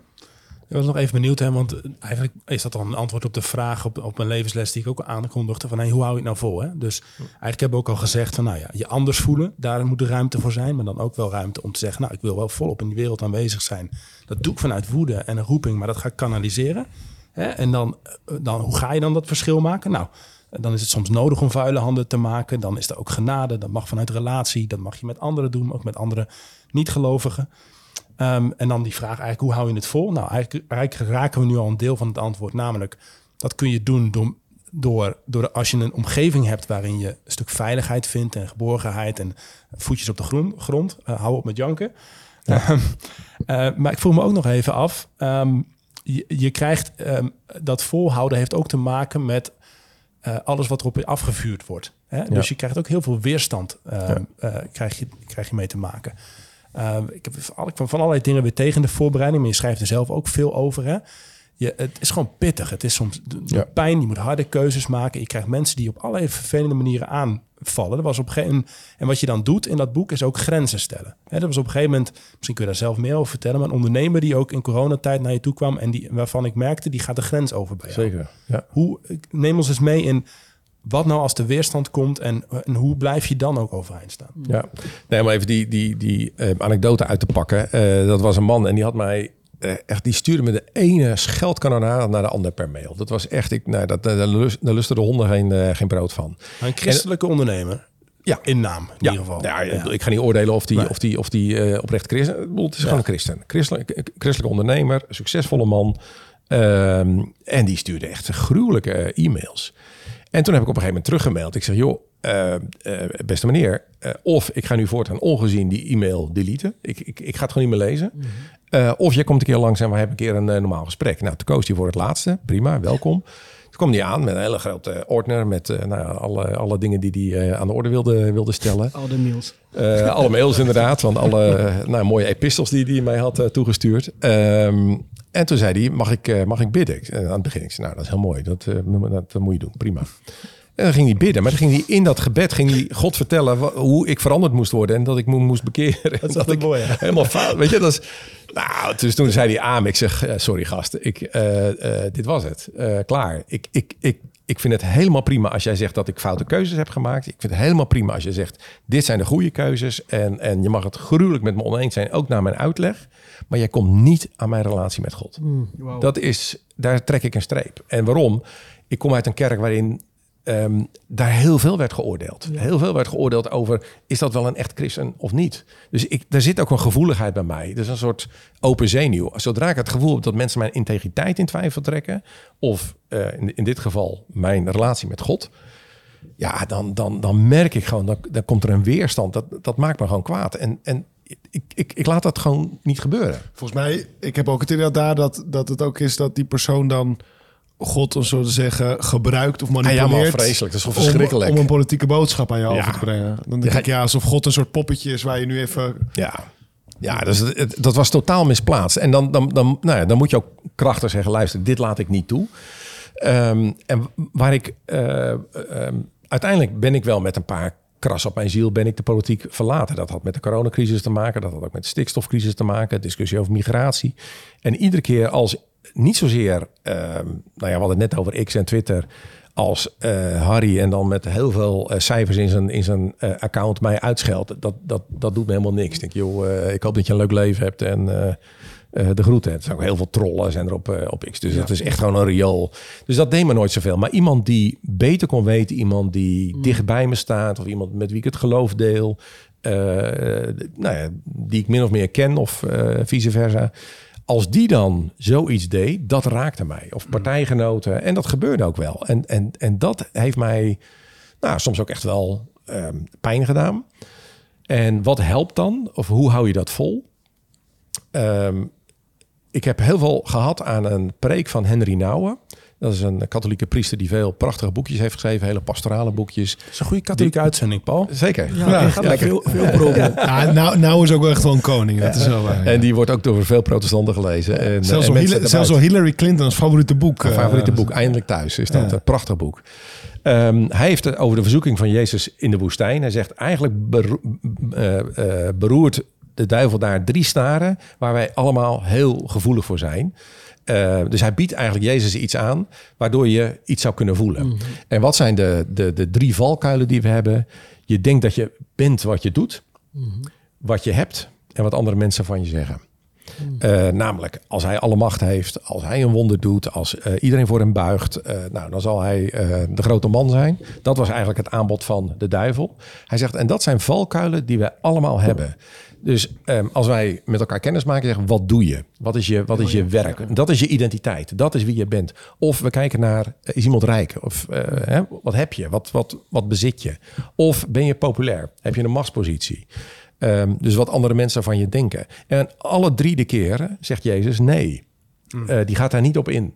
En wat is het geheim van het leven van Jezus? Dat is de doop vlak daarvoor. Dan klinkt er een stem uit de hemel. Dit is mijn geliefde zoon.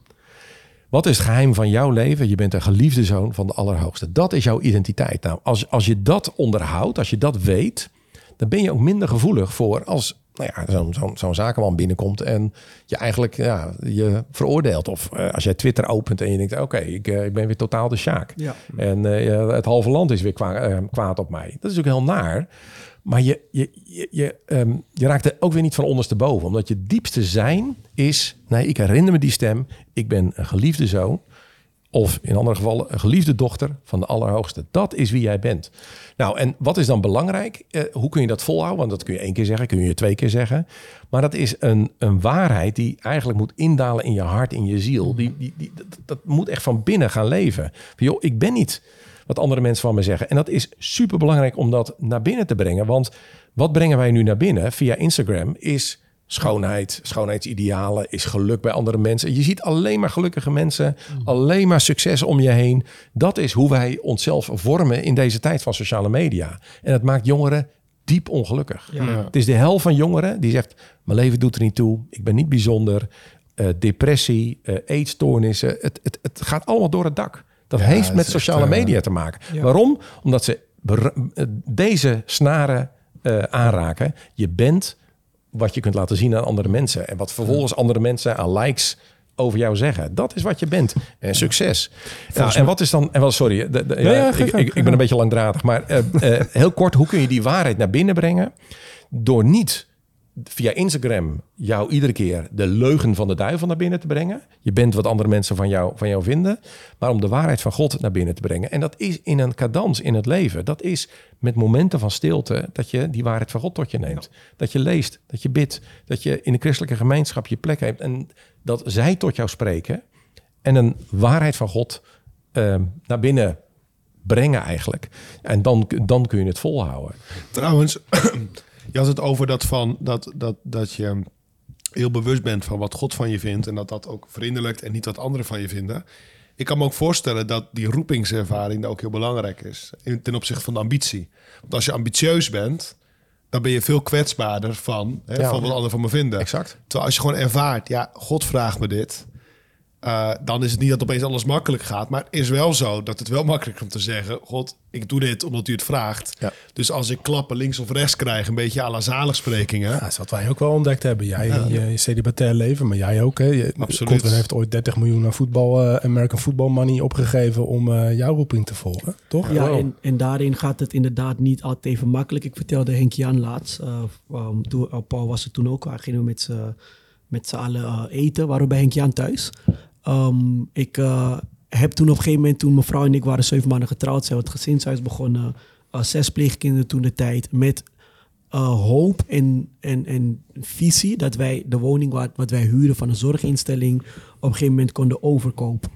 Ehm, nou, daar doe je alles voor. Daar sluit je compromis voor. Daar ga je mindere, betere contracten sluiten. Omdat je dan zoiets hebt van, nou, we zitten in een, in een eh, samenwerking wat voor beide eh, partijen echt uiteindelijk eh, voor, voordeel uit kunnen halen. En wij kregen op een gegeven moment op een donderdag een gesprek. Nadat er vier jaar lang werd gezegd, de panden worden niet verkocht, kregen wij een gesprek waarbij werd verteld dat vanaf komende maandag zijn de panden verkocht aan een vastgoedmakelaar. en voor mij was dat even zo'n moment dat ik dacht van ja, maar god, wat nu? Ja. Ehm, wat nu? Wat als jij je eh, wel aan alles probeert te houden? Wat als jij wel probeert vol te houden? Wat als jij wel de goede keus probeert te maken en alles onder je gewoon eruit geschopt wordt? En het, het mooie was dat ik op een gegeven moment een, een, een, eh, door, door wat jij zegt, dat je begrijpt dat het een roeping is. Ik, ik wilde geen gezinshuis starten omdat ik graag kinderen En voor jou is dat roeping, dit. Ja, Ja. het was dat ik, ehm, ik had het, ik geloofde toen de tijd niet in droom, maar ik kreeg een specifieke droom waardoor ik wist dat we dit moesten doen. En daarnaast alles wat wij deden richting het gezinshuis, gingen alle deuren open. Maar nu kom je op een punt te staan waarbij alles gewoon in één keer lijkt. Want die man had heel goed kunnen zeggen: jullie moeten het huis uit, want ik ga de woningen ombouwen en gewoon verhuren of verkopen. Dus ik stond op een punt waarbij ik dacht: maar god, oké, ik, ehm, ik wilde het huis niet kopen omdat ik dacht van ik wil graag een eigen woning erbij. Ik wilde het kopen omdat ik een bepaalde zekerheid dan heb van we kunnen door met het werk. En het mooie was dat toen ik het losliet, dus wat jij zegt, op een gegeven moment kom je op een punt waar je niet meer, ehm, waar je gewoon merkt ik heb het niet meer in de hand. Toen ik het losliet en dacht van weet je God, dan zetten ze ons maar eruit. Is oké, u gaat het wel doen. Dan, dan laten we het Ja, maar. dat is fijn. Hè? Die heb ik ook wel gehad. Ja. Dat je op een gegeven moment denkt, ja, nu gooi ik het gewoon over de schutting. eh, eh, Ja. Want het is, eh, het is wel een keer genoeg geweest. zeg maar. Precies. Het is uw probleem. Ja. Maar hoe is het, En, en hoe is het afgelopen? toen wat er toen gebeurde is dat ik heb de eigenaar gebeld, de huidige eigenaar. En ehm, ik, ik stelde hem voor om het huis over te kopen. Nou, dat wilde hij natuurlijk niet, want hij heeft het net gekocht. Maar toen ehm, kreeg ik een, een, een, een, eh, een factuur binnen. En ik kreeg een gesprek met eh, de zorginstelling. En eigenlijk tijdens dat gesprek gaf God echt wel de richting waar we op moesten gaan. Ik zei, nou, wij vallen onder jullie nu op dit moment. Maar ik denk dat wij volledig zelfstandig door willen. En wij gaan meedoen met de aanbestedingen die er komen. En op een gegeven moment merkte ik in het gesprek, waar ze jaren voorheen zoiets hadden van nee, dat gaan we niet doen. Dat ze nu zeiden van ja, is goed. Ga dat maar doen dan. Dus je krijgt een heel stuk vrijheid eigenlijk. Ja, klopt. Ja. Terwijl ik de eerste twee weken was ik gewoon gigantisch boos. Ik dacht, wat is dit? Ja. Verraad en er komen zoveel emoties naar boven. En toen ik het leerde loslaten en dacht van oké, God, u- eigenlijk zei ik echt letterlijk, God, u zoekt het maar uit voor ons. Ja, u gaat dit nu voor ons moeten doen en we blijven en we bidden Ja. en we, we gaan een bepaalde richting op. Toen ik op dat punt kwam en ik besefte van, als God me geroepen heeft hiervoor, dan gaat hij het ook wel oplossen, gaat hij ons helpen. Toen vielen alle puzzelstukjes op, op, eh, op hun Ik, ik plaats. moet er wel even iets bij zeggen. Als we elkaar soms presenteren, dan één ding dat ik denk een van de duidelijkste labels van Godwin is. Kijk, normaal zoekt iemand, hè, de, iemand de Heilige Geest te volgen. In het geval van Godwin is het Heilige Geest die achter hem aanbrengt. dus dat, dus dat, is, dat, is, eh, dat is wel zo. Maar- Dus Godwin die gaat op pad als een raket. En eh, de Heilige Geest die gaat achter hem aan. Waar is die, waar is die nou weer? Ja. Precies, ja. En dan komen er heel veel mooie dingen uit. Dat is het hele wonderbaar. Maar pleegzorg, ik bedoel, dat is niet een bevlieging. Dat, is, dat, is, dat is van, van de lange adem. ja, maar deze klopt. gast heeft een En- roeping als een... eh, En dan moet je trouw in zijn. En dat vraagt ieder. Weet je, ik bedoel, je, je, je kunt één keer een verhaal vertellen en denken: Oh, gewoon de mensen denken: Goh, wat, eh, wat knap dat jij, dat jij pleegvader bent. Maar jij staat iedere ochtend op en je bent het ook. En, je- Ja. en dat vraagt ook heel veel van jou. Weet je, wel? dus dat is, ja, het is niet even een, een, een, makkelijk mooi, mooi verhaal. Het is iets wat je iedere dag moet doen. Ja, klopt. Dat is echt Ja. wel bijzonder, ja. Zo. Hey, ik vroeg, ehm, eh, we, ik heb geen, we, we vragen veel van je tijd. Ehm, maar ik vind het hartstikke... Luister, zijn mensen nog steeds luisteren, denk je? Ik, eh, hallo, is er nog iemand? Ja, ik we zitten hier mensen hebben met- het op pauze gezet om even te herstellen. En die gaan de volgende dag weer verder. De cameraman en onze stagiaires zitten daar. Zijn, we- maken we nog een beetje sens, guys? Of eh soort van? Oké. Nou, misschien dan nog één afsluitende vraag die ik ook wel had. En je eindigt je boek daar een beetje mee, zonder dat je daar nou heel veel invulling aan geeft. Maar eigenlijk roep je op tot een soort ja, bezielde generatie. Eigenlijk een oproep aan, Oh, ja. aan ons, aan twintigers, aan dertigers, aan, aan jonge mensen. Ehm, om weer bezield en met, met hoop en, en ja, ergens voor te gaan. Ehm wij zijn daar ook mee bezig, ook vanuit Move. We hebben laatst weer, Godwin en ik en Paul, een jonge leidersinitiatief eh, begonnen. En we doen van allerlei mooie dingen. Maar ehm, wat bedoel jij ermee? Waar hoop je op en wat kun je meegeven? Eh, je, je kunt je leven, ehm, ja, die kun je doorbrengen door eh, elke impuls op te volgen, door eindeloos afgeleid te worden door YouTube, door Instagram, door nou ja, sociale media. Dat zijn soms ook een beetje mijn, eh, mijn, eh, mijn vijanden. Maar je, het, het, het kan helemaal verkruimelen. Dat leven kan verkruimelen, helemaal tussen je vingers doorglijden. Ehm, en wat daar tegenover staat, is inderdaad een, een gevoeligheid voor dat wat jou raakt, dat wat op jouw bordje wordt gelegd. En dat je dat echt ook ehm, met anderen, met God ehm, aangaat. Vanuit een, een, een heilig vuur, vanuit eh, eh, echt, echt een, een diepere bezieling. En dat is uiteindelijk ja, iets, iets, een, iets wat, wat, wat God ook geeft. En volgens mij is dat er ook voor iedereen. Is er ook echt voor iedereen iets wat jou raakt, eh, waar jij mee aan de slag kunt, kunt gaan. En nou ja, ik zit hier nu aan tafel met drie kerels die dat volgens mij ook voelen. Ik bedoel, je hebt een hele duidelijke keuze gemaakt op je 16e. Ik bedoel, ik wijs even naar Paul. Ehm, jij maakt deel uit van een gemeenschap. En dat, dat, dat is een keuze geweest van jouw hart. En jij voelt van, maar dit is het spoor wat ik moet gaan. Je bent inmiddels 30. 34. Dus je bent voorbij de bevlieging. Het is voorbij, zeg maar, Ja, eh, dat de hype. wel te zeggen. Precies. Dus, en, en er zullen echt nog wel momenten zijn dat je denkt van... Jee, maar wat, wat, wat, wat, wat, Nou, er zijn moeilijkheden af en toe. Tuurlijk, Ja, tuurlijk. Ehm, alleen dit is een spoor waar jij nu bent ingegaan en je houdt vol. Hè? Dus dat is, dat, dat, ja, dat is ook iets van, van de lange adem. Dat geldt voor jou, God. Natuurlijk met waar, wat, waar we het net over hadden. Pleegzorg, dat is iets van de lange adem. Ja. Dat, moet je, dat is niet een bevlieging. Dat is niet een leuk verhaal voor eventjes. Nee, dat is een opgave voor iedere dag. Wat ook heel mooi is, wat ook heel gaaf is. En wat heel veel betekent voor die kinderen, maar wat af en toe ook gewoon pittig is. Ja. Dus jullie leven dat eigenlijk voor. Dit is op jullie weg eh, gekomen. Nou, jij hebt hier je rol. Eh, ook op dit platform. Ja, want Eh. als ik, als ik daar even jou in mag zeggen. Kijk, Living Image Move Community. Dat is niet puur voor de winst en voor lekker succes. Dat is best wel idealistisch. Daar zit best wel onzekerheid bij. Maar jullie gaan wel door. Jullie kunnen, jullie kunnen makkelijkere wegen bewandelen. Je kunt zeggen, we nemen exact. die commerciële opdrachten ook aan. Dus in, in, in, in, jullie, Ja, in ja. jullie project zit ook echt wel... En jullie doen het niet een jaartje pas. Jullie hebben jullie baan opgegeven en doen het al zeven jaar. Ja, zoiets. Ja. Ja, en, nou ja, dus het, bedoel, ik zit hier gewoon met drie kerels die van betekenis willen zijn. En, ehm, en dat is ook een heel diep verlangen wat God in ons hart heeft gelegd. Wat ook een jongere generatie heeft. En ik zie jongeren die zich nou ja, heel veel zorgen maken over klimaat of over vluchtelingenproblematiek of over armoede. Dus dat kan van alles zijn. Maar laat je raken, kom in beweging, kijk om je heen met wie je kunt samenwerken en doe wat je moet doen. En hou vol en doe het op een manier die uiteindelijk ook vreugde oplevert. Het alternatief, eh, een leven met, eh, nou ja, eh, waarin je eigenlijk je tijd verdoet met sociale media, is iets waar je alleen maar spijt van krijgt. Verstrooid middelmatig leven. Exact, exact. En als je met focus en met roeping leeft, dat levert een, een, een, een vreugde op en een, ja, denk ik, een, een betekenis ja, die, die meer geluk en meer bevrediging geeft dan wat dan ook. En wat ik ook proef uit wat je zegt is... als je nog niet weet welke roeping je hebt... dan is de oplossing niet dat je Netflix blijft bingwatchen. Nee. Maar ga naar buiten, doe vrijwilligerswerk... ga gesprekken aan met mensen... beweeg, kom in actie... en daar kan de Heilige Geest wat mee. En, En dan kom jij, in, inderdaad, als je dan in beweging komt, je komt iemand tegen en jij staat op een gegeven moment oog in oog met iets of met iemand en dan denk je, jemig, dit kan niet waar zijn. En dan weet je, oké, maar dit, dit, is, dit is voor jou. Hoe, hoe kunnen mensen die um, hiernaar luisteren en Paul, um, Henk-Jan heeft het heel veel over je boek. Uh, waar kunnen mensen je boek vinden? Ja, misschien moeten we een paar keer die titel noemen. Hè? Dan, eh, Ja, macht, ja, ik vond, we hebben de titel nog niet gehoord trouwens. Macht en onmacht is het toch? macht en onmacht. Politicus in een verdeeld land. Ehm, ja, weet je, het is, een, het is een terugblik op tien jaar. Het is, het is, het is mijn perspectief op eh, een deeltje van deze wereld, van- Ja. van, van dit land, politiek toevallig. Ehm, iedereen heeft zo zijn eigen verhaal. Dit is, dit is mijn verhaal. En ik, ja, ik vind het wel bijzonder hoe je inderdaad daar een aantal lessen uit hebt eh, op, eh, opgediept.